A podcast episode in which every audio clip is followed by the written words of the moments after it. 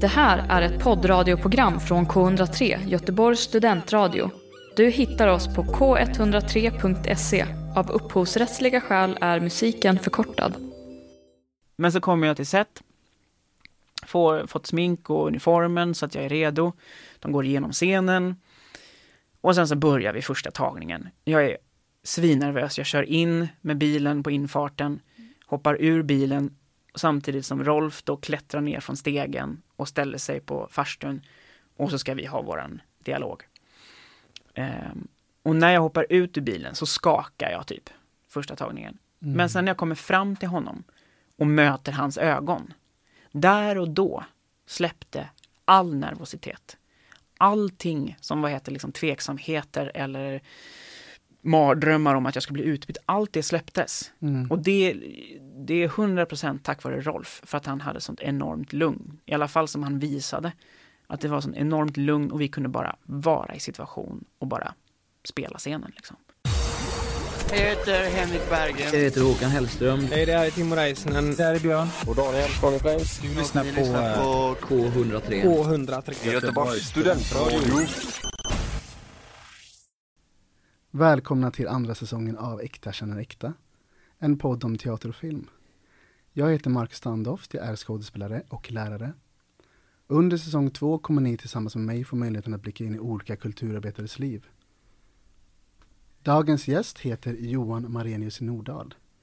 Välkommen till studion. Tack så mycket. Hur känns det? Nej, men det känns bra. Alltså det känns skönt att få göra någonting Ja? i coronatider Mm. och att få liksom träffa lite folk och det kändes lite shady när man gick hit för att jag får ju inte vara utomhus, känns det som. Jag får inte vara bland folk. Nej. Eller rättare sagt, jag vill inte vara bland folk. Jag väljer att vara utanför folkmassorna för att vi har en så pass allvarlig situation som vi har. Så därför Mm. så är det skönt att liksom stanna inomhus och göra så lite som möjligt. Men då är det väldigt skönt att göra undantag som det här, som är lite viktigt. Alltså åtminstone för mig. Mm. Ja men verkligen, och för mig också. Mm. Men liksom, och, och det som är så, förra gången jag var här, förra gången jag var här och poddade, eller var det förra, förra jag kommer inte ihåg, men då hade vi publik här. Mhm. Och det var så här nya medlemmar av Göteborgs studentradio som bara du vet var här på någon så här ehm, workshop innan. ah, ja, ja. Och så frågade de bara, får vi sitta med och kolla? Du vet, så här. Och då sa gästen okej till det då. Men, Mm. Och då fick vi publik så här, så då var vi några mer. Men här idag är det ju bara du och jag som Ja, precis. Men hur var det att åka eh, kollektivtrafik in här nu då? Det var läskigt. Alltså jag kände mig lite som en eremit Ja. som inte har sett folk på väldigt, väldigt länge. Men som tur är, jag bor, nu när jag är här så bor jag hos mina, eller min mamma som bor utan, eh, utanför Göteborg, i Lerum. Så då åkte jag ju lokaltåget hit. Men det var ju bara jag på tåget. Och sen så gick jag ju från centralen hit. Så att det var ju liksom, okej. och så parerade jag de små, men inte de små människorna, utan de få människorna som jag Mm. träffade på liksom. Så att det var ganska lugnt. Jag brukar också så här, eh, jag, är nog inte fullt lika, lika duktig som dig kanske, men jag brukar också så här, gå liksom så här slalom när jag är Mm. ute och rör mig. Eh, och när jag åker, åker spårvagn då brukar jag ha, ha munskydd liksom. Men, Mm. Och så får man sådana konstiga blickar när man gör de här liksom zigzacken som folk kollar på, som att man du vet precis släppt, släpps från, alltså jag vet inte vad. Nej, nej, nej. Eh, och jag säger bara, men, men så här, ni, ni, ska, ni ska väl inte kolla på mig, så ni ska ju vara tacksamma för att jag Mm. väljer att liksom Men jag tycker det känns som att de tror att jag är äcklad av dem. Att jag inte tycker om dem. Att det är därför jag går ifrån Ja. dem. Att jag liksom föraktar dem. Just det. Och det tycker jag också är obehagligt, för jag föraktar inte så många människor. Nej, Och då tycker jag det är jobbigt att parera. Då är det nästan som att ibland jag känner att nej men nu går jag nära för att jag vill inte att du ska tro att jag är äcklad av dig. nej det är. Men det är ju mitt huvud. Det är ju bara för att man är så ovan. Jag är så ovan att inte krama människor. Jag är så ovan att inte ha liksom närhet av den vanliga vänskapliga sorten. Liksom. Men det är ju det nya, det nya normala nu i vår värld så att det är bara Mm. att köra. Ja men det är verkligen så här och det var så här, jag vet att när vi träffades här nere nu när jag släppte in dig, alltså det, man, man har de här rycken bara du vet, sträcka fram handen eller ge en Mm. kram, alltså vet du, men så kommer man på sig själv, man har ju det undermedvetet, bara, Mm. nej nej nej nej, error, error, error, Nej, det men där ska man verkligen. inte göra. Eh, Jag hade garanterat gått in för kramen eh, Mm. om det inte hade varit corona. För vi har ju sett förut, vi känner ja ju varandra. precis, så att jag menar, precis. Så det har inte varit jättekonstigt liksom. Nej, verkligen inte. Eh, så. Men eh, det är sannerligen underliga tider. ja det är det. Men då är det skönt att få vara här. Ja, det är kul att vi, att vi kan podda ändå. Verkligen. Hur, hur påverkar det det här, alltså pandemin dig annars? Alltså, privat sett enormt mycket ju. Ehm, för att jag håller mig väldigt isolerat. Och nu håller jag mig väldigt isolerat tillsammans med min familj. Alltså min mamma och mina syskon och mina syskonbarn så nära som det går och så lite som möjligt folk utanför. Liksom. Jobbmässigt så har jag inte blivit av med någonting, lyckligt nog. Jag har inte Mm, förlorat peppar, något. peppar. Ja men verkligen Ja. peppar peppar. Jag har inte förlorat någonting eh, men däremot så har ju inte telefonen ringt eller jag har inte dykt upp så mycket mer än det som redan var planerat innan coronan kom. Liksom. Mm. Och de jobben jag har gjort under mm, corona har ju varit väldigt coronaanpassat så gott det går. Liksom. Mm. Men jag har varit väldigt förskonad faktiskt, Mm. rent arbetsmässigt. Ja, vad skönt att höra. Men till exempel så här, om, om, du har varit iväg och filmat, kan, kan scener skrivas om för att corona anpassa scener till exempel? Ja, alltså det- både och. Eh, vissa scener har absolut skrivits om eller anpassats. Ja. Eh, men det är också produktion till produktion. Det är det som är så eh, svårt att veta för att jag har en produktion som jag har gjort och en produktion jag ska göra. Mm. Och de är väldigt olika i hur de hanterar eh, corona. De gör liksom basic det man ska göra men sen så har de liksom lite Ja, de ena är extrema Mm. och extrema på ett bra sätt då ju. De andra är lite mer laid back. Mm. Ehm, och det får man ju tycka vad man vill. Allting handlar om eget ansvar till syvende och sist. Liksom.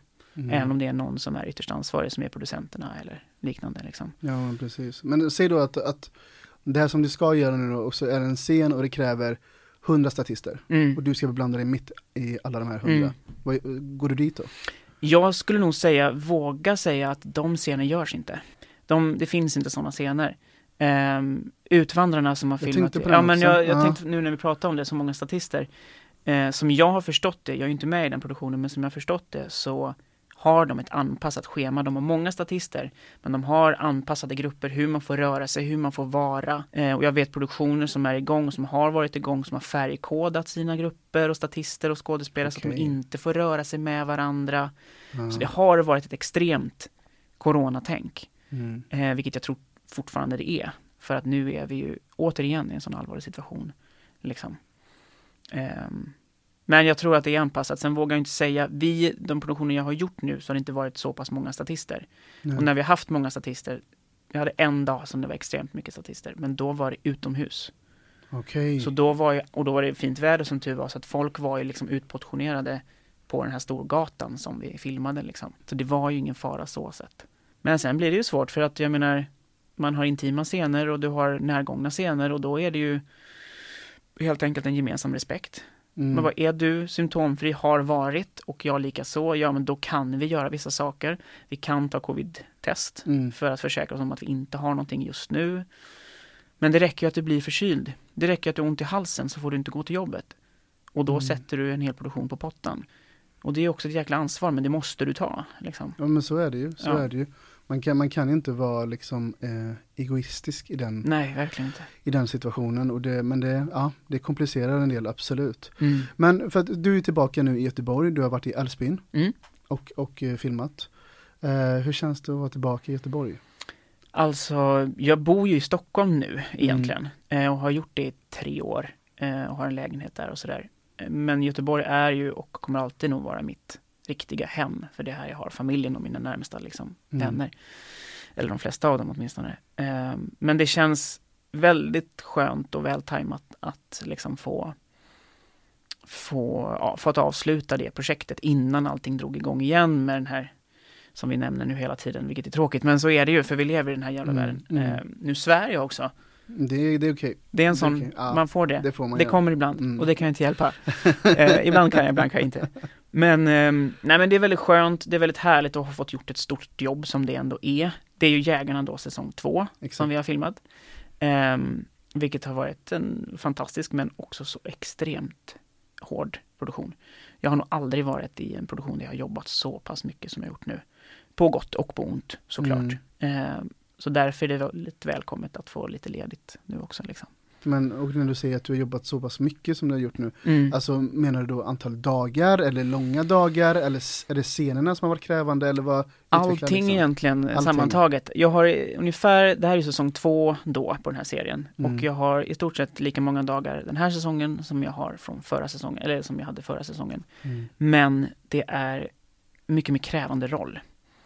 Ehm, karaktären har utvecklats enormt mycket Okej. eh, under de här, eh, det är fyra års glapp ungefär mellan första och andra säsongen. Alltså Vi spelade in för tre år sedan, Ja, men det utspelar sig ungefär fyra år mellan. Ehm, Okej. Och det har hänt extremt mycket med honom från förra säsongen. Ehm, och det händer extremt mycket i den här säsongen eh, som, gör, eh, som är mer komplext att jobba med. mm. Ehm, hans resa i första säsongen var väldigt enkel. Eller tydlig kanske man ska säga snarare. Mm. Här är den väldigt guppig och hoppande och tvetydig och svår. Liksom. Vilket har varit en ynnest men också väldigt krävande. Det har varit extrema dagar.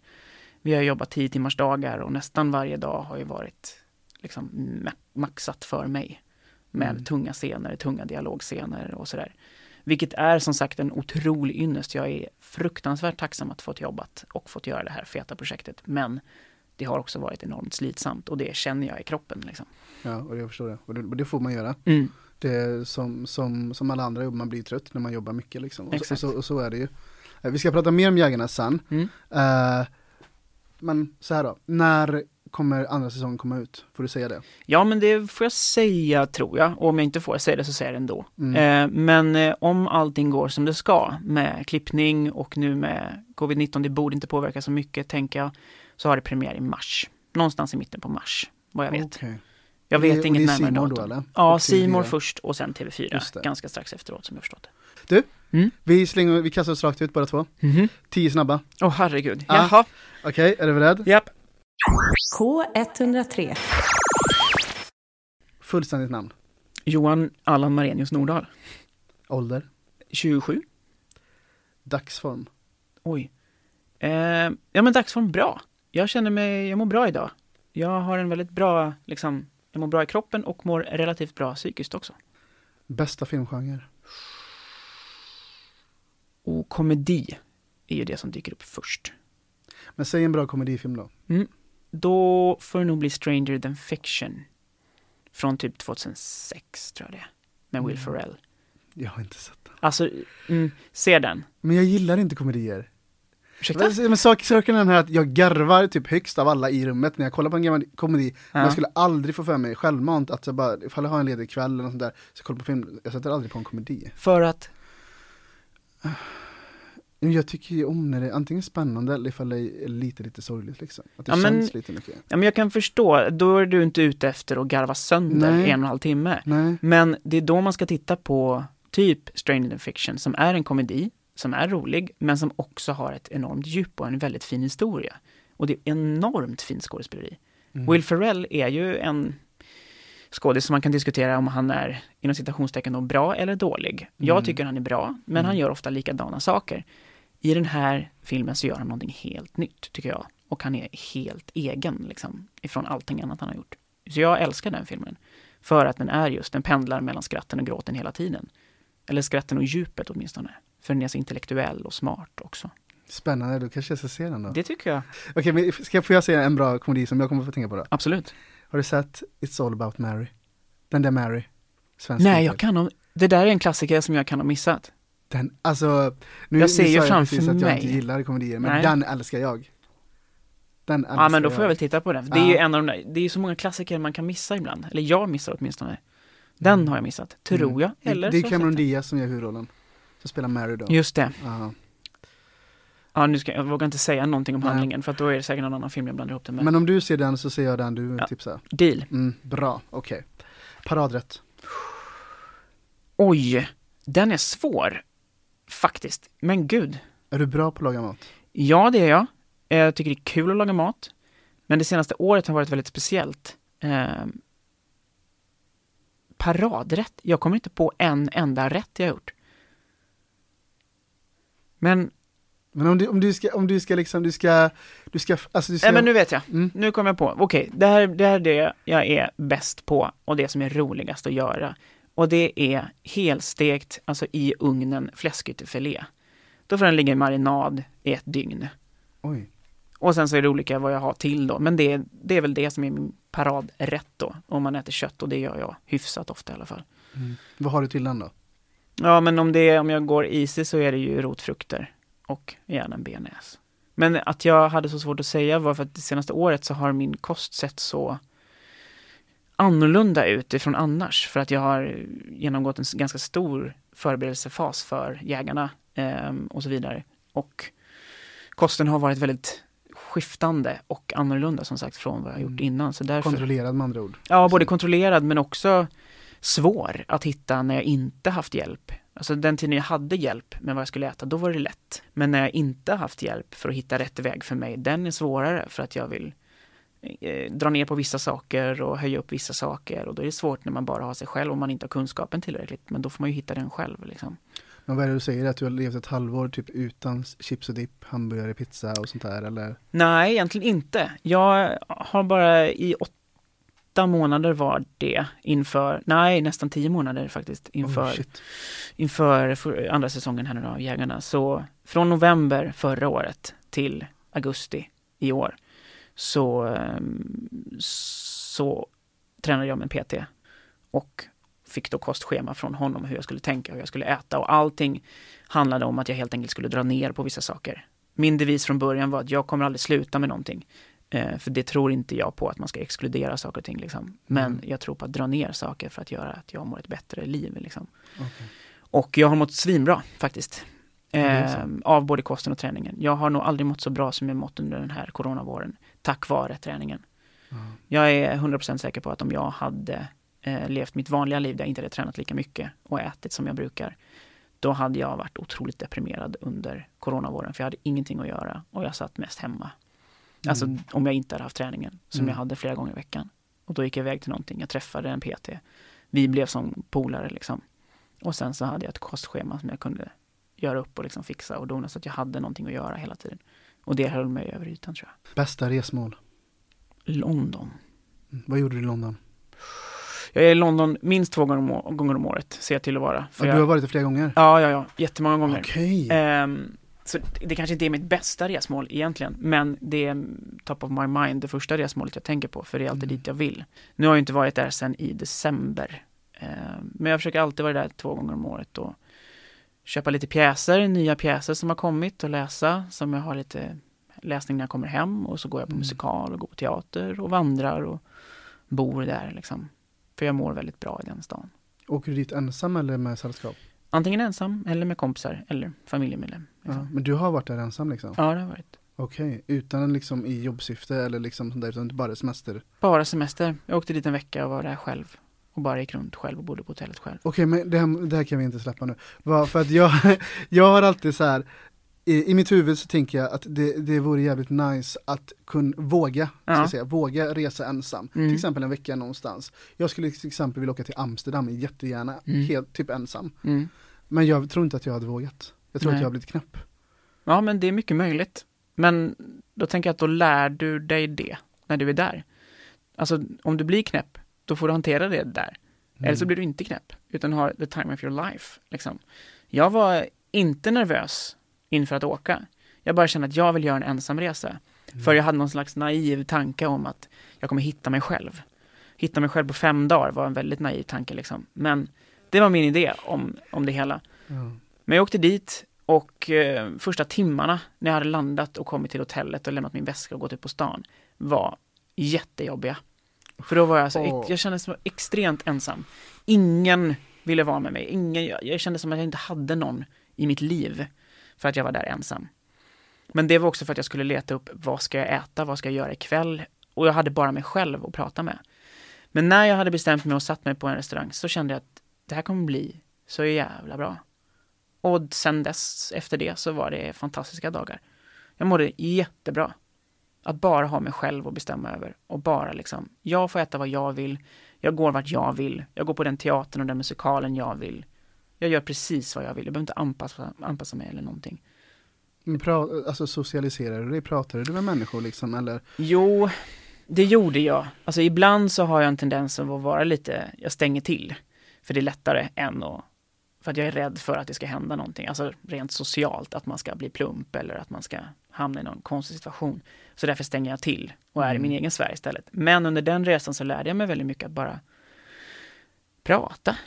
Att bara, jag satt på en restaurang och så kom det en servitris fram och så snackade han med mig om vad jag ville ha och sen så började vi prata om någonting annat och sen så satt vi och snackade, eller stod och snackade för han stod och jag satt. Och så hade jag liksom bara stått och snackat i fem minuter om, jag vet inte ens vad vi pratade om, men då såg han att jag var själv och han var ju där liksom, alltså vi kunde på något sätt hitta någon slags gemensam nämnare på Mm. något konstigt sätt. Eh, sen är jag en social människa, det är bara att jag kan tycka att det är lite jobbigt ibland inför sociala sammanhang, eller inför liksom icke-sociala sammanhang också för den delen. Men det, nej men det gick bra. Det var härligt. Ja. Jag rekommenderar det. Det gör jag. Spännande. Även om man inte hittar sig själv på fem dagar så rekommenderar jag att åka ensam någonstans. Nej, jag tror inte heller att man hittar sig själv kanske, men, men någonting utvecklas ju, det är jag garanterat säker på. Det gör det. Det tror jag. Okej, vad spenderar du mest pengar på? Du får inte säga mat. Nej. Nej, det har jag inte gjort det här året heller. Det kan man ju inte säga för jag har inte varit ute så mycket.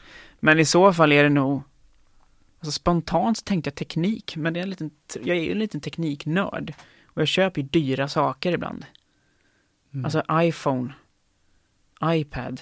Detta är inte Sveriges Radio så jag kan säga Mm. ett märke.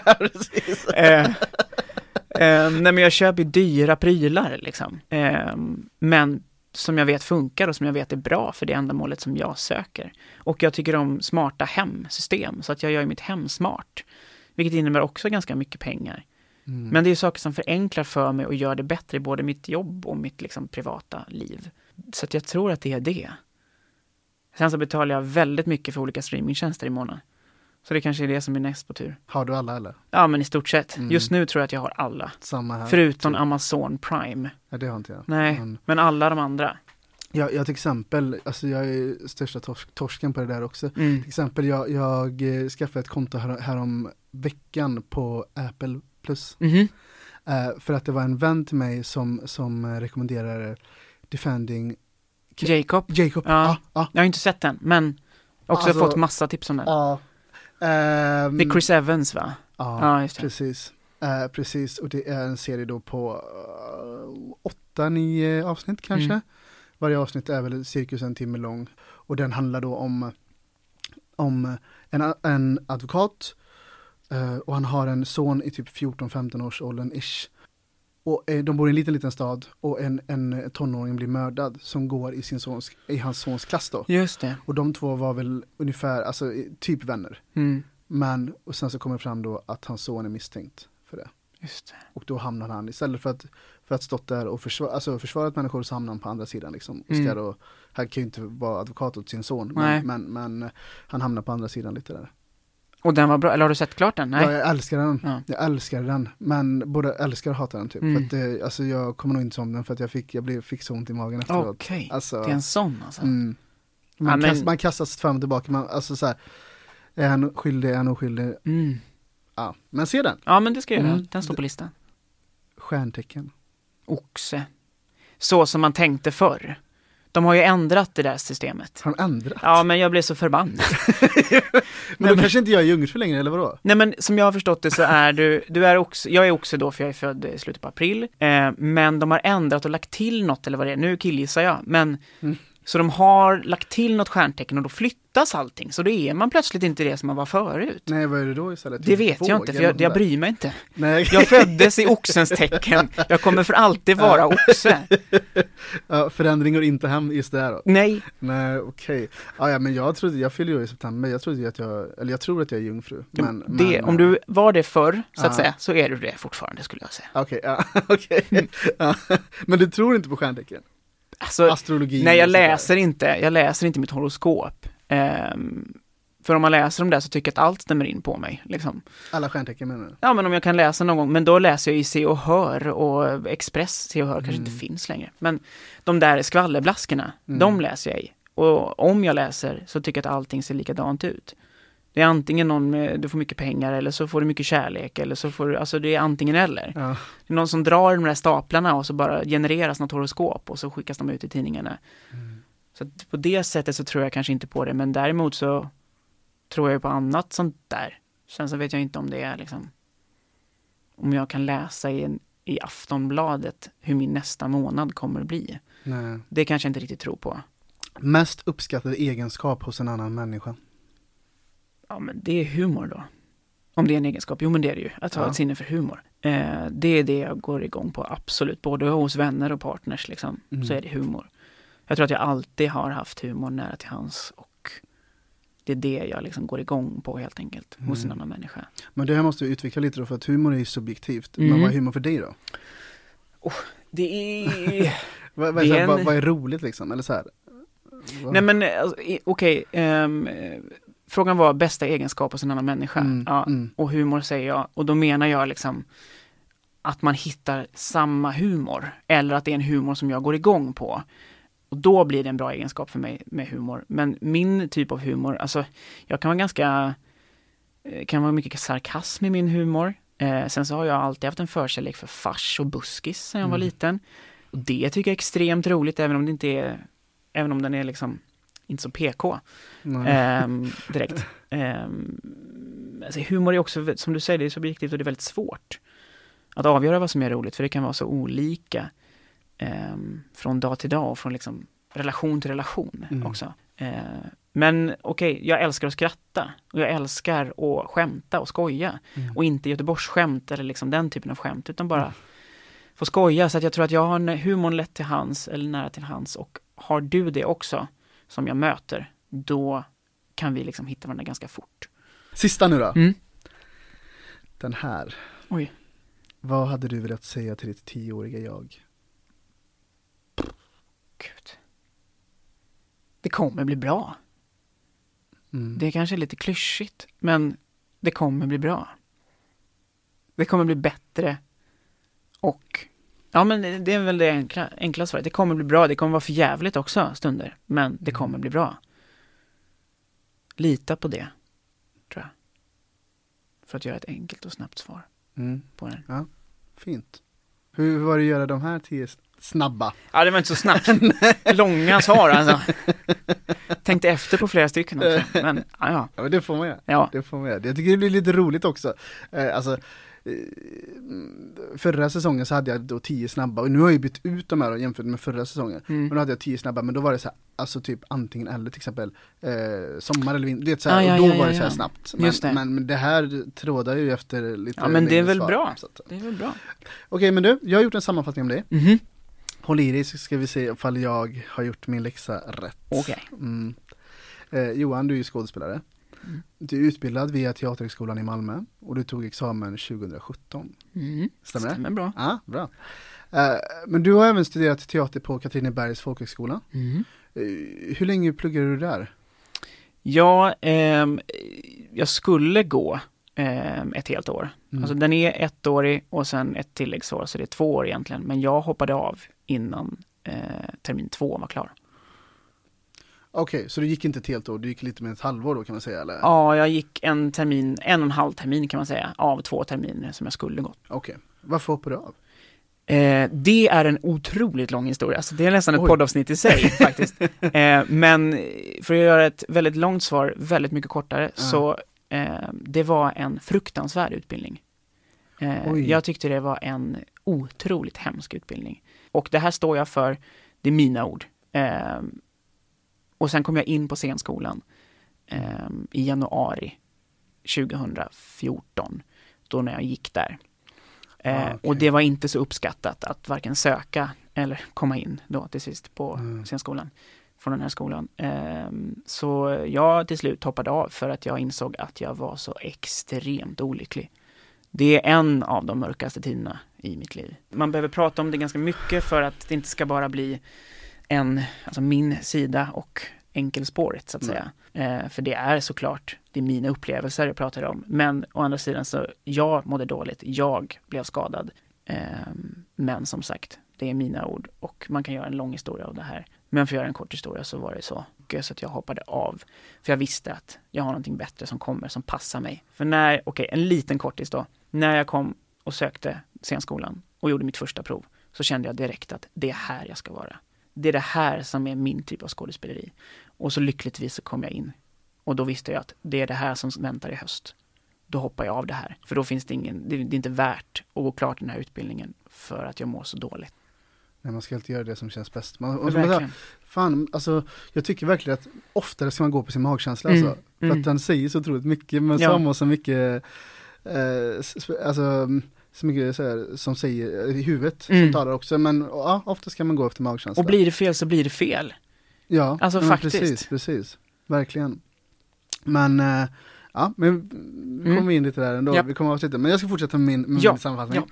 Eh, Efter scenskolan, så, så nu, ja, men vi sa innan du tog examen 2017, men efter scenskolan, du tog ett stort kliv in som en av huvudrollerna i tv-serien Jägarna. Mm. Jägarna har ju även, det finns två, tre filmer innan. Två filmer innan. Två filmer innan, ja just det. Mm, och nu är det då tv-serie då. Mm.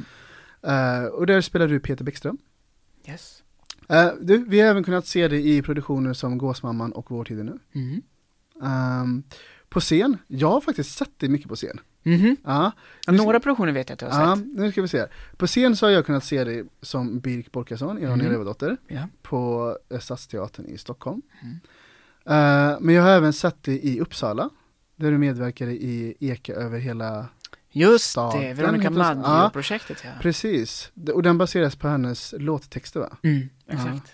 Lite som Håkan-filmen fast i teaterversion då eller? Ja, Kan alltså, ja nästan. Vi gjorde en teaterkonsert med Mm. hennes, vilket då Känn ingen sorg som de gjorde på Håkan Hellströms var ju lite mer av en musikalfilm. Mm. Ehm, våran var en teaterkonsert vilket innebär att det är varje låt är som en egen liten musikal. Och så framför vi då 10-15 låtar eller vad det var vi gjorde. Mm. Ehm, så det var ingen sammanhängande röd tråd utan det var 15 olika öar. Så Mm. varje ö var hennes låt. Ja, ja, ja, okej. Men du har även medverkat i Bröderna Lejonhjärta Mm. på, på um, Västerbottenteatern. Mm. Din praktik när du gick på scenskolan hade du, som vi nämnde innan, på Uppsala stadsteater då, men i Spelman på taket. Exakt. Vad har jag missat förutom det här? Ehm, ja men jag var, om man ska liksom lägga till lite teatrar så var jag i Örebro eh, för ett år sedan på Örebro länsteater och gjorde Agnes Cecilia eh, av Maria Gripe. Mm, väldigt fin barnföreställning. Ehm, det känns som- Spelade ni för sko- skolklasser då? Liksom? Ja, mycket Ja. skolklasser och några offentliga. Eh, men mycket skolklasser. Ehm, och sen så har jag varit på Teater 23 i Malmö. Ehm, nej men du fick nog med det mesta faktiskt tror jag. Eh, det känns så i alla fall. Ja, jag tror det. Mm. De stora bitarna liksom. Ja, men kul. För att innan du började på Teaterhögskolan, då har du även regisserat lite. Och jag vet Mm. att du, du, eller lite, du har regisserat, regisserat ganska mycket Ja, alltså, och skrivit en del. faktiskt. Ja. Ehm, jag brukar säga att jag har tre strängar på min lyra, men Mm. där det är regi, skriva och eh, skådespela. Men där jag har utbildning som skådespelare liksom, och det är det min huvudsakliga syssla är. Men sen så har jag ett brinnande intresse för att skriva och att regissera, men där har jag ingen utbildning. Där är jag ju liksom autodidakt, är självlärd liksom. Mm. Ehm, så innan scenskolan så, eh, och innan Katrineberg också, så höll jag på mycket med kortfilm. Mm. Ehm, regissera och skriva och producera liksom, kortfilmer. Som visades här på ehm, i Göteborg på, inte filmfestivalen, den stora, utan eh, Frame filmfestival. Ah, okej, och just så. Frame, ja. Mm. Ehm, så det var ju det jag trodde jag skulle, det var det min ingång var. Ehm, att det var så jag trodde jag skulle ta mig in i branschen och livnära mig att jobba bakom. Sen hur eller vilken position, det visste jag inte, men att det var så jag skulle ta mig fram. Så det var egentligen tack vare Katrineberg som det blev skådespeleri igen. För jag sökte både filmutbildningen och skådespeleriutbildningen på Katrineberg. Och kom in båda. Ehm, där skådespeleriutbildningen egentligen bara var ett andrahandsval för att jag var tvungen att ha ett andrahandsval. Så kom jag in på båda. Och till slut efter många kval så valde jag skådespeleri.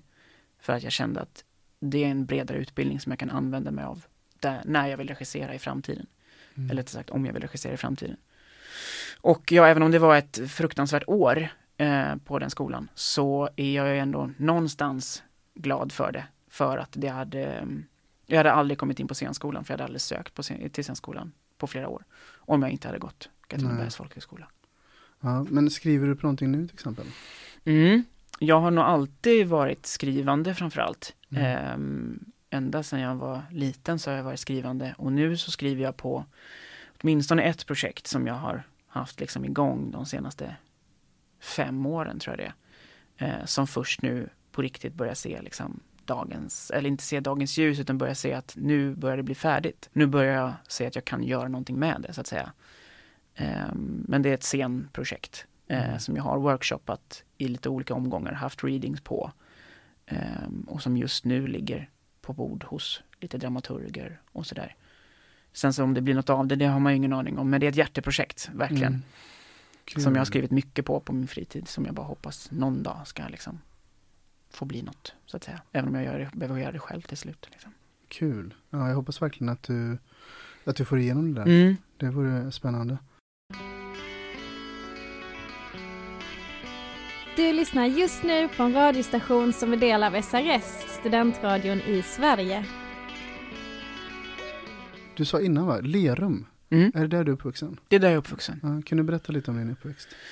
Ehm, ja, men jag har haft en väldigt bra uppväxt. En väldigt alltså, kär och nära eh, familj. Jag har eh, mamma och pappa och mina två syskon. Nu eh, gick min pappa bort för ungefär en månad sedan här. Ehm, I cancer. Han har liksom kämpat i fem år mot den där sjukdomen och eh, till slut så orkade inte kroppen kämpa mer. Ehm, det är mycket därför jag är hemma nu också liksom.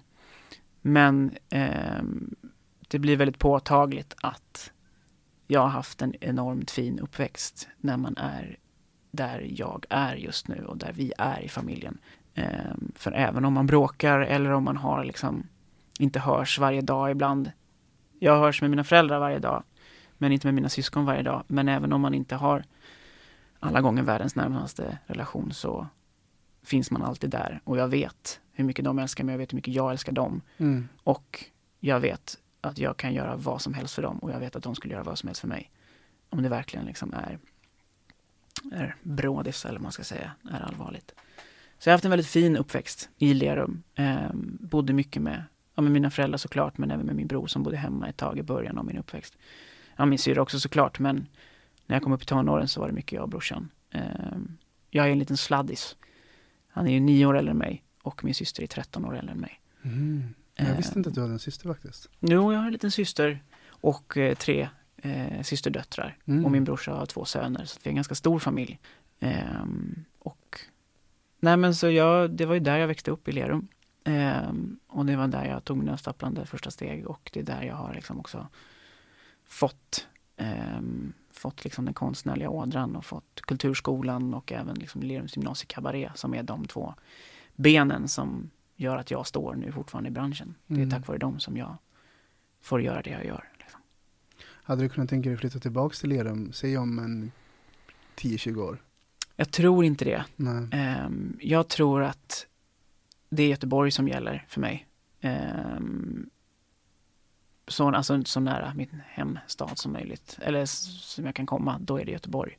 Mm. För jag tror att Lerum kommer för alltid vara dit jag kommer och hälsa på min familj. Om de är kvar. Liksom. Och Mm. nu är alla kvar än så länge. Ehm, men nej, jag tror inte att jag flyttar hem till Lerum och Nej. bor där. Det tror jag Nej. inte. Men eh, för att jag har träffat din bror, eller jag har spelat mot din bror och jag har även spelat mot din pappa ju. Ja, det har du.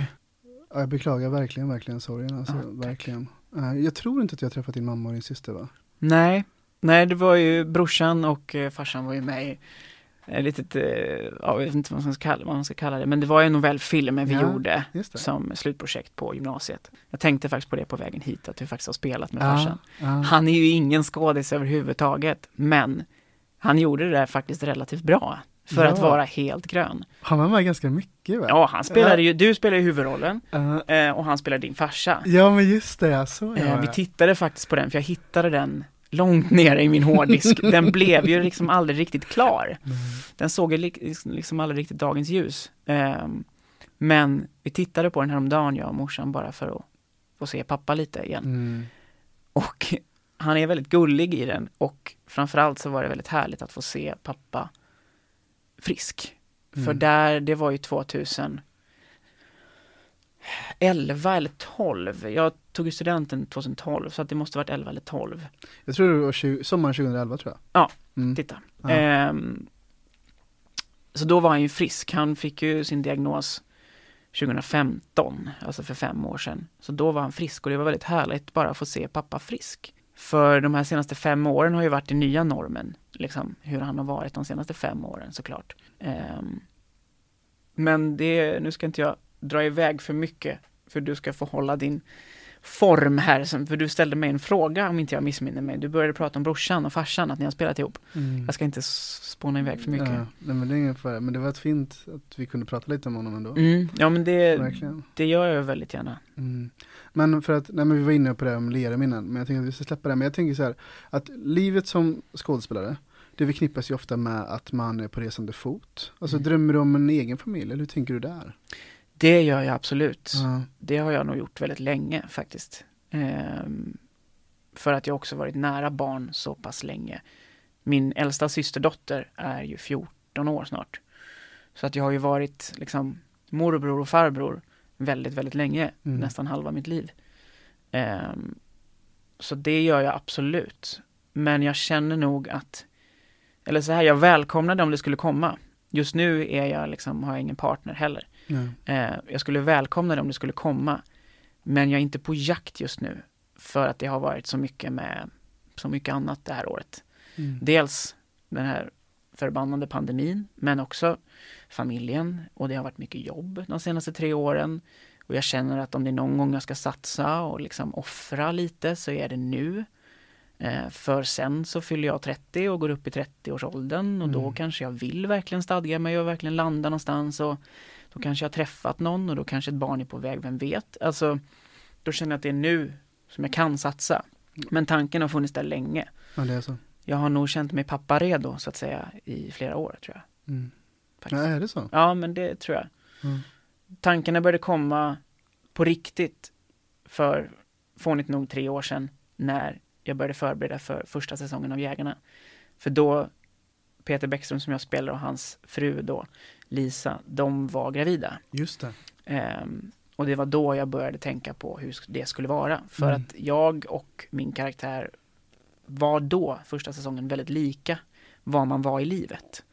Eh, vad man var i sin utbildning och sin eh, karriär etc. Så att vi var på nästan samma plats. Och då började jag fantisera vad som skulle hända om jag då hade en fru eller en tjej och ett barn på G. Vad skulle det, hur skulle det påverka mitt liv? Och det var då jag började känna påtagligt att jag är pappa redo så att säga. Mm. Men sen tror jag att jag har varit någonstans pappa redo i 15 år eftersom jag haft, eller 14 då eftersom jag haft syskonbarn och ta hand om och hjälpa till och haft barn omkring mig så mycket och jobbat på förskola också så haft barn omkring mig där. Alltså, Mm. Ja. jag är väldigt barnkär. Helt enkelt. K103 är världens bästa radio. Vi ska prata om Jägarna nu. Mm. Eh, och vi, vi har kommit in på Jägarna lite, lite alltså innan också så här. Men vi kan börja så här. Hur fick du rollen? För jag vet att du hade tagit examen Mm, från Teaterhögskolan i Malmö. mm, Eh, våren då 2017. mm. Hur, hur kom du liksom i kontakt med, hur blir du aktuell för rollen? Jag, eh, alltså det började egentligen med att jag hade grov jobbångest för att jag inte hade något jobb efter skolan. Mm. Många hade börjat få jobb. Eh, och det blir ju onekligen så eh, i en klass att om folk börjar få jobb, likadant som folk börjar få sina praktikplatser, så börjar en stress skapas i Mm. gruppen.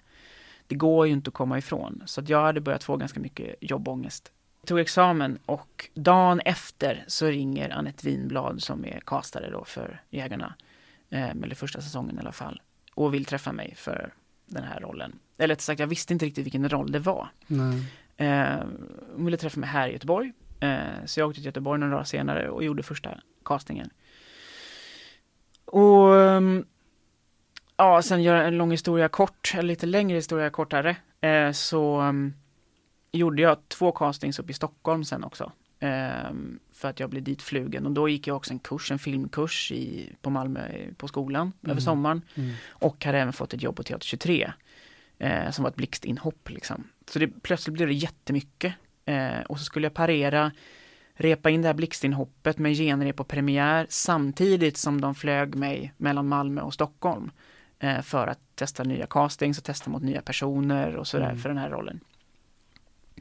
Ehm, och sen till slut så ringer producenten och frågar om jag vill göra rollen.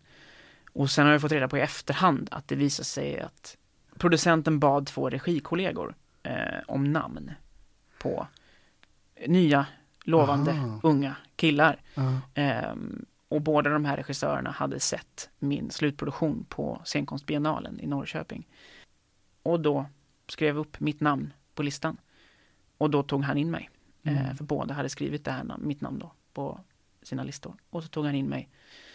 Och så gjorde jag alla de här castingarna, tre, fyra stycken. Och sen så till slut så landade jag i den rollen helt enkelt.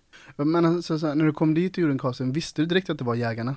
Ja, Att men det visste jag. Det visste du? Det visste jag. Jag visste inte exakt vad det var för roll, men jag visste att det var Jägarna när hon ringde. Mm. Ehm, för jag visste inte att det skulle bli en serie, men jag visste att, eh, jag visste ju vad Jägarna var, såklart. Ehm, Mm. och en av mina närmsta kompisar ehm, spelar, hans mamma, spelar också min mamma i serien och var även med då i andra filmen. Ehm, så det är samma Ja. skådespelare, så att jag hade ju lite känningar och kände till och sådär. Ja, det är Annika eller? Annika Nordin, Ja, precis. det, precis. Ehm, nej, så... ehm, ja. Men visste du att det var huvudroll liksom? Jag visste ju inte omfattningen av rollen. Jag visste att det var en stor roll. Mm. Ehm, men jag visste ju inte att den var så stor som den var.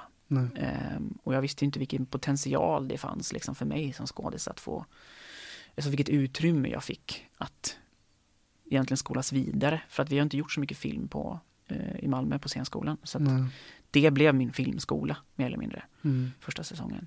Ehm, så nej, jag hade nog inte på känn hur stor alltså rollen var eller produktionen var förrän jag väl var i den så att säga. Mm. Vad är, vilket är ditt starkaste minne från första säsongen? Inspelningen därifrån? Det första jag kommer att tänka på det är ju för allra första scenen jag skulle göra. Ehm, Vilken scen är det? Det är en, jag kommer inte ihåg hur tidigt den är i avsnittet, men det är avsnitt två. Ehm, så kommer jag hem, eh, åker bil hem till eh, Erik då, Bäckström, Rolf Lassgårds karaktär och ska berätta vad som har hänt. Det är en person som har dött eh, och att vi har hittat hans kropp helt enkelt. Och då ska jag berätta det för honom.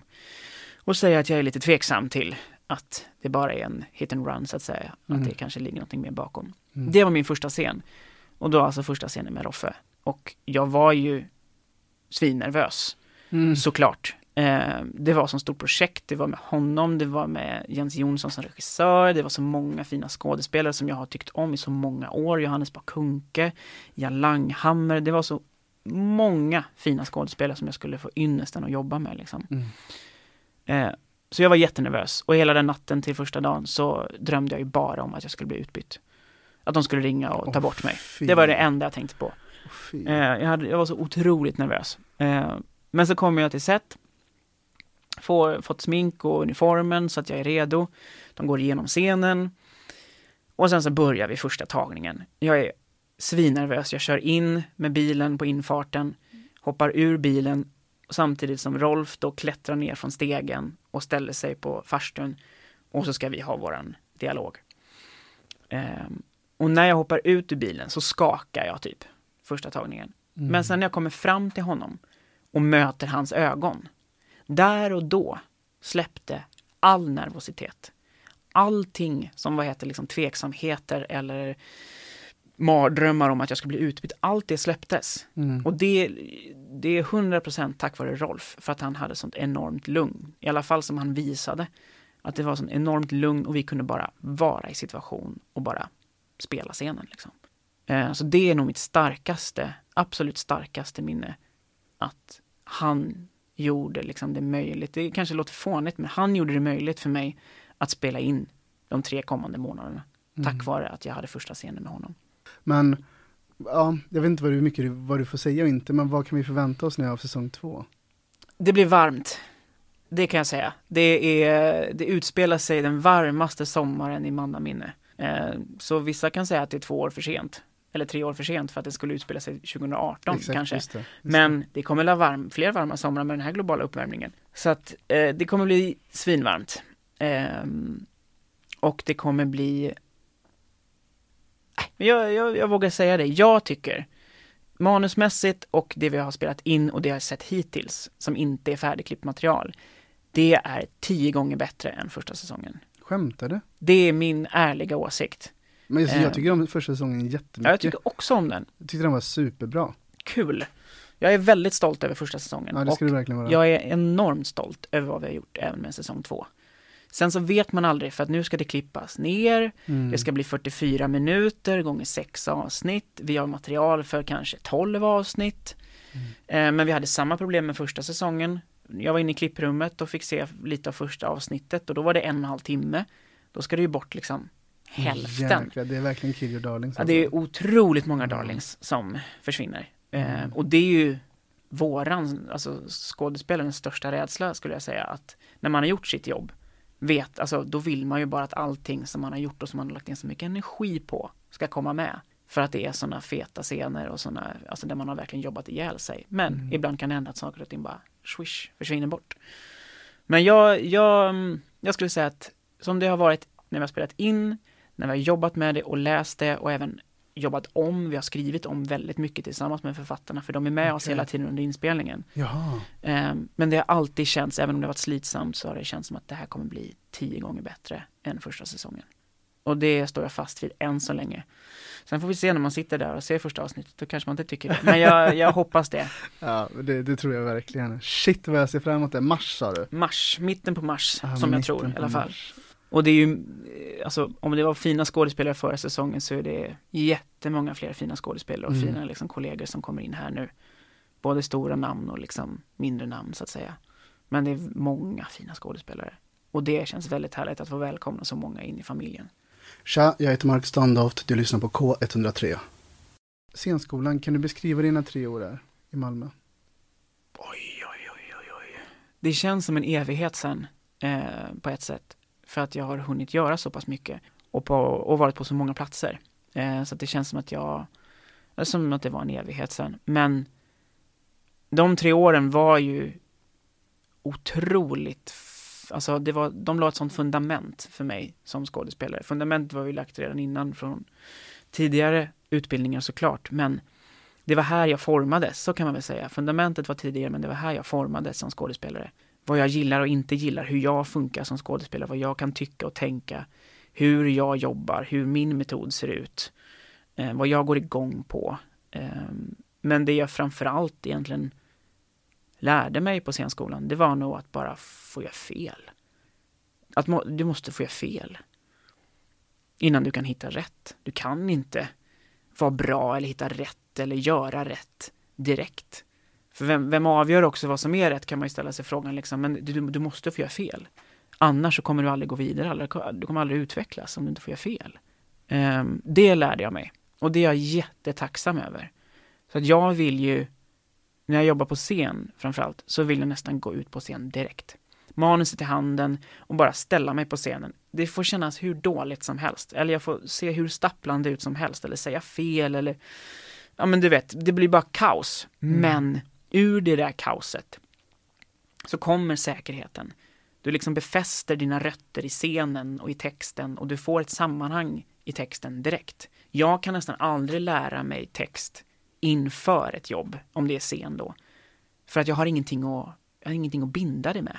Har ingenting att hänga upp det på. Men så fort jag har satt någon typ av fysisk aktivitet till en text, när man då har gått upp på scen, då kommer det vara som ett rinnande vatten. Då sätter sig texten extremt snabbt. Men jag måste ha någon slags fysisk förnimmelse av texten.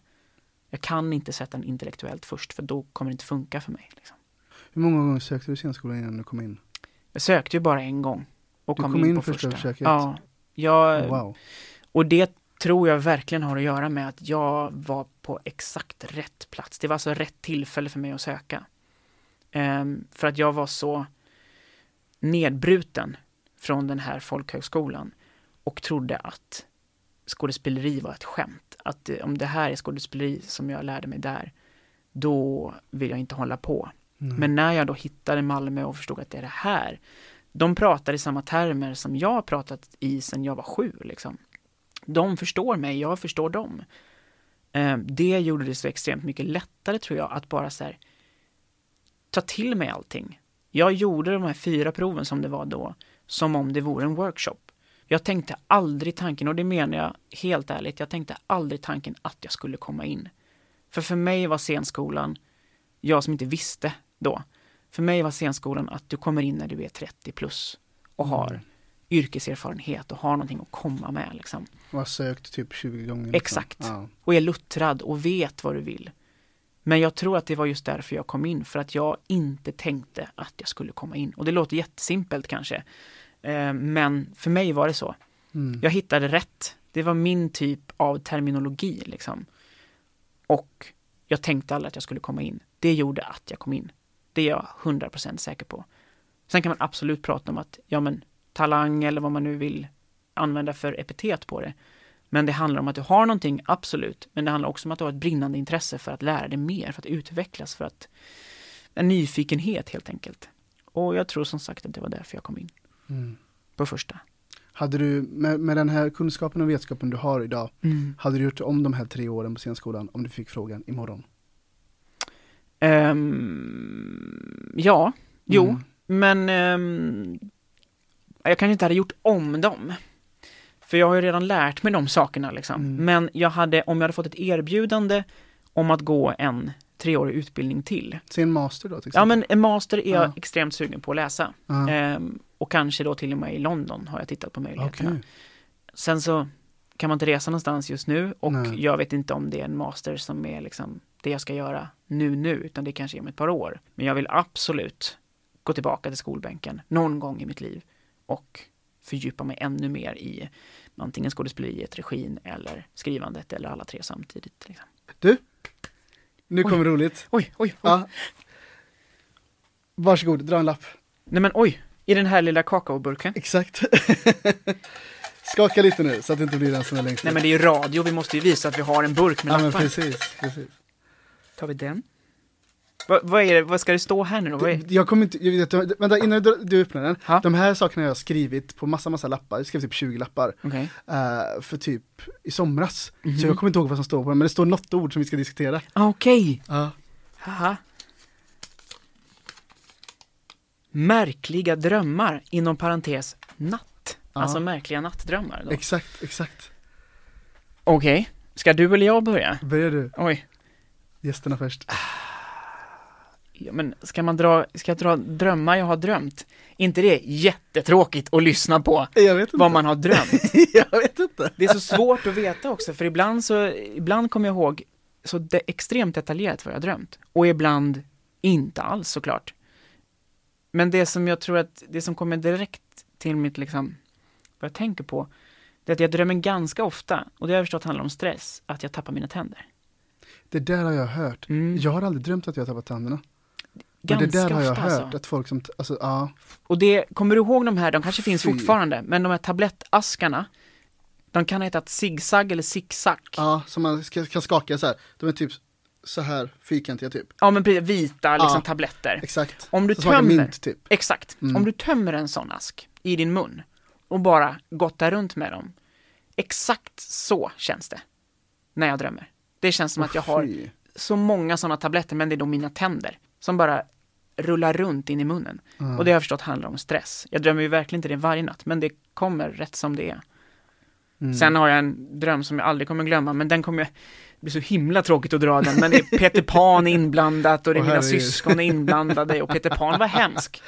Han var riktigt hemsk mot oss. Men eh, det är väl det jag kan säga om nattliga drömmar tror jag. Ja men shit, shit. Ja, men som jag sa innan, jag har, aldrig, jag har aldrig drömt om att jag har tappat tänder, men däremot kan jag till exempel när jag är inne i speciella, specifika eller speciella perioder Mm. så kan jag drömma så här till exempel då att jag inte, att om jag ska säga en replik så får jag inte ur, alltså, Nej. jag öppnar munnen men repliken kommer inte. Nej. Och, liksom, och alla kollar på mig, liksom, vad, vad, vad håller du på med, kan Mm. du bara säga din replik? Och, det, och jag försöker, jag försöker men det, det kommer in, inga Nej. ord. Eh, och kanske också stress, jag vet inte. Men, eh, Mm. eller bara osäkerhet.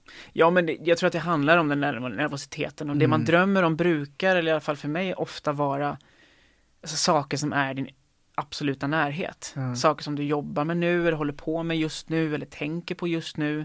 Sen så kan jag känna ganska många gånger att jag vill drömma om saker. Jag vill drömma om vissa personer för att träffa dem liksom, men så gör man ju inte det för att det är någon slags aktiv tanke på det. Men däremot så har det varit otroligt mäktigt att få styra sina drömmar, om det nu går. Mm. Folk pratar ju om att det ska kunna gå, man ska kunna lära sig att styra sina drömmar, göra aktiva val i drömmarna. Jag vet inte om jag tror på det riktigt. Jag tror att det är Mm. någon slags fabricering eller Men alltså, som sagt, jag, jag kommer typ bara ihåg mina drömmar när jag är stressad typ, Ja. eller inte mår jättebra. de jobbiga drömmarna då, Ja. helt enkelt. Ja. Ja, det, det kommer nog inte ihåg någon sån här dröm som är så här jätte, jätterolig typ. Nej, det har du rätt i. Men shit, att kunna styra sina drömmar. Jag vet inte om jag hade velat det dock. Men, Nej, jag vet inte heller om jag hade velat det. Det beror på vad man vill få ut av det, Mm. liksom. Ja, Ja. precis, precis. Eh, Jag har ju ställt en massa frågor till dig här nu. Mm. Här kommer en fråga som inte är ställd av mig, Mhm. så nu ska du få höra här. Men nu har det ju varit ett jättestort val i USA. Mm. Eh, och jag, jag tänker bara, hur ser du som nu får den här frågan på det valet och hur det har Okej. liksom blivit? Oh, ah. Alltså, svår fråga ju. För att det Mm. där, det där är så uttömmande. Alltså, det är så, jag har ju följt, det har jag gjort, Mm. mycket mer än vad jag brukar, eh, politiska val liksom, som inte är svenska. Ehm, men det har ju varit, det, det är en sån fars alltihop liksom. Tyvärr båda två. Både Biden och Trump är ju liksom, det är inga jättebra kort någon av dem. Trump är ju fruktansvärd tycker jag, men Biden verkar inte vara 100% även han. De har gjort Nej. lite plumpa saker båda två. Mm. Men jag föredrar ju absolut Biden framför Trump alla dagar i veckan. Eh, och vad heter hon nu då? Vad heter vicepresidenten? Alltså, det- nej, Men ja, gud, vet. det här, Och det här är ju skamligt. Och det här är så pinsamt också. Det är inte Camilla Harris. Verkligen, Nej, jag vet Vem är Camilla Harris då? Min förra gäst, jag vet inte, min förra gäst pratade om henne. Men jag är så dåligt insatt i det här. är det Camilla Harris? Jag vet inte. Men gud, sånt här, jag vill ju googla nu, men, men min, googla då. men min telefon ligger ju långt bort här. Ja men du får hämta den. Det här vi måste, det här måste vi ta reda på Jag liksom. tror att det är, och så har jag låst fast Ja, ja precis. Herregud, Nu blev det fars, nu blev det Ja, komedi. men precis, precis. Men, nu ska vi se. Ja, Vad googlar man på då då? Joe Biden, vicepresident tänker jag. men i, hon har ju inte blivit det än. Ja men hon ska ju bli. Ja, men det är det där också. Nu ska vi se. Nej, Mike Pence, men det är ju han som sitter nu. Oh, gud vad det hände mycket när man satte på. Jag blev så stressad av det här också. Varm, att man inte kan detta heller. Men vem är, jag söker på Camilla Harris nu. Ja, Camilla Harris. Jo, Camilla Harris, visst är det hon. ja, du hade rätt. Gud, nu är jag nöjd. Ja, nu det- är jag ska, väldigt Jag är nöjd. glad att jag inte säger emot det heller. För att eh, jag visste varken eller. Så att, men, Gud, ja, men du hade rätt. Gud, och efter den här långa utläggningen. nej men, nej men vad ska man säga om valet? Alltså, det är ett stolpskott som har suttit i fyra år. Mm. Ehm, och jag hoppades till gudarna att han inte skulle sitta igen alltså. Och det verkar ju som att han inte ska få göra det. Jag vågar inte tro på det förrän Joe Biden har tillträtt. Nej, och det, det är väl, eh, alltså är det exakt avgjort? Vet man det? Eller för det känns, det känns som en sån gråzon. Eller? Verkligen en gråzon. Varenda media har ju gått ut med att Joe Biden är USAs nästa president. Mm. Alla har ju gjort det. Men Trump har ju inte sagt det. Och han Mm. är ju presidenten. Och han sitter ju där som en tjurig gammal gubbe som är fem år gammal som inte vill lämna sin tron. Alltså, större idiot får man väl leta efter. Tur att inte detta är Sveriges Radio. För Ja, precis. nej men, nej men eh, vad ska man tycka mer än att det är en fars och att det är skamligt Mm. över vart världen är på väg. Och att vi har Trump även i Sverige, alltså vi har en liknande idiot även i Sverige. Jag behöver inte nämna några namn för alla vet vem vi pratar om. Han Mm. sitter inte och är statsminister nu, så Nej. mycket kan jag säga. Men det är så mycket skit med det här valet och Trump är en sån idiot. Tänker att du inte är ensam om att tycka detta heller. Nej. Men alltså, Majoriteten av världen Ja. tycker nog så här, känns det får som. vi hoppas i alla fall. Ja, och verkligen, verkligen. Nej, det är ju, det är en fars, det är det. Mhm. Ehm, och jag hoppas verkligen Joe Biden är vår nästa president, eller vår, USAs nästa president. Mm. För om vi skulle haft Trump i fyra år till, då, är det, då går det utför mycket mer än vad vi redan är på väg att göra. Liksom. Det är väl det jag kan säga. Eh, Okej, men du, du har ju fått en uppgift. Du ska komma på en Just fråga det. till poddens nästa gäst. Ja, eh, det var den första frågan som dök upp i mitt huvud, så att jag ställer den, det är lika bra. Åh, vad spännande. Och det kan ju vara vad som helst, tänker jag. Det kan vara fobi, Ja. men det kan också vara har, har du någon fobi? Nej, jag har nog inte det. Alltså, jag visst, jag tycker att det är obehagligt med det här ljudet. Griffeltavla och naglar eller Jaha, sånt där. oh, med gnissel och bestick på tallrikar och sånt där. Det tycker jag är obehagligt. Men jag, och djur, alltså kryp och spindlar och ormar. Jag skulle nog inte kalla det fobi faktiskt. Nej. Så nej, jag har nog ingen uttalad fobi. Åtminstone. Vad, innan vi avslutar det här nu, något du vill tipsa om? Oj, något Vad jag vill tipsa om. Något Förutom att se Jägarna i mars på Ja men det, det är ett jättebra tips tycker jag, det är ett jättebra tips. Eh, nej men det känns på något sätt lite fel eller fel ska jag inte säga att det är, men jag kommer inte på något, alltså något, eh, Nej. något, um, något kulturellt eller något som du kan insupa på det, den typen, för mitt liv den senaste månaden har varit så extremt speciell eftersom jag har levt i med min eh, pappas bortgång liksom. Mm. Så den är så konstig och är fortfarande väldigt konstig så att min hjärna märker jag funkar inte riktigt alla gånger som den ska. Ehm, så jag har ju, jag har ju tittat på jättemycket serier och filmer och lyssnat på mycket pods och musik den senaste månaden efter Mm. pappa gick bort för att liksom glömma och komma in i någonting annat men eh, det är svårt att ta till sig saker. Mm. Ehm, och det här då som jag, kanske, som jag säger nu då kanske kommer låta väldigt klyschigt men det blir så påtagligt nu att man fan ska ta vara på varandra. Ehm, Det är så klyschigt, det är så många som säger det men Men jag tror man behöver höra det till ja, och från också. och så. speciellt nu. Speciellt nu i dessa tider, ring det där samtalet. Mm. Ta och ring någon person som du verkligen vill prata med eller som du tror behöver prata med någon eller som du bara är orolig för eller bara vill snacka lite med. Mm. För att det är så viktigt att vi har, att vi känner att vi har varandra, att ingen är ensam. Det är så mycket skit just nu och det är så mycket ensamhet och så mycket självdestruktivitet just nu i Mm. världen, av olika anledningar. Så vi behöver fasiken ta vara på varandra. Vi är medmänniskor, varenda människa på den här jorden. Gud vad klyschigt, men vi är verkligen medmänniskor, vi måste ta vara på varandra. För att rätt som det är så har vi inte varandra. Min pappa gick bort extremt plötsligt. Mm. Han har varit sjuk i fem år. Men han försvann från oss väldigt mycket snabbare än vad vi trodde. För oss gick det alldeles för fort. För honom var det nog skönt att det gick så fort. Han hann aldrig riktigt förstå det. Okej. Men vi som är kvar, för oss är det och ehm, en sån extrem chock som inte riktigt har landat och kanske aldrig riktigt gör det. Ehm, och det är så mycket nu, även om jag vet att han visste att jag älskar honom och vice versa. Och vi har alltid funnits där för varandra, etc. Så är det ändå, tankarna kommer ändå att jag skulle gjort mer. Jag ville frågat det här. Jag ville att vi skulle prata om det här. Jag ville göra det här. Men det kommer vi aldrig få.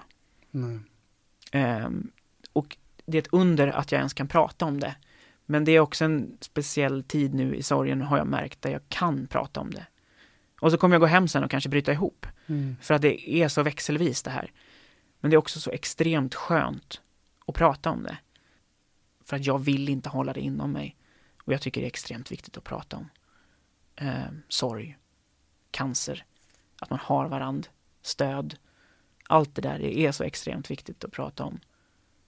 Att det är inte farligt att ringa varandra, det är inte farligt att liksom fråga hur det är. Även om man är i det liksom mörkaste mörker så att säga. Så är det Mm. inte farligt att prata om. Sen är sorg och eh, sånt här väldigt individuellt. Mm. Och med Mm, de orden sant. Med de orden, nej men det var väldigt, Nej, väldigt men det- fint det är verkligen- Väldigt, ja.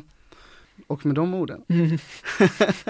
Är vi klara? vi är faktiskt klara. Och du har lyssnat på ett avsnitt av Äkta känner äkta med mig, Marcus Standoft och Och mig, Johan Marinus Nordahl. ja, Tack för att ni har lyssnat och tack för att du har kommit hit. Tack för att jag fick komma hit. Det var jättefint och tiden bara som vanligt, alltså bara rusar iväg. Men det var Verkligen. så fint att se dig igen Detsamma. och ha dig här och sitta och prata. Ställde du den frågan som du skulle vänta med till senare i avsnittet som du pratade om i början av avsnittet nu? Nej, den har jag glömt av. Sånt där vet du. Nu kommer jag gå hem och vara så förbannad för att jag inte fick den frågan. Det kanske var den bästa frågan någonsin. Jag ska erkänna en Ja. annan sak också sen när vi har, när vi har stängt av här. Men vi säger hej då allihopa. Hej då. Ha det bra och vi hörs, när vi hörs nästa gång helt enkelt. Du har hört en poddradioversion av ett program från K103. Alla våra program hittar du på k103.se.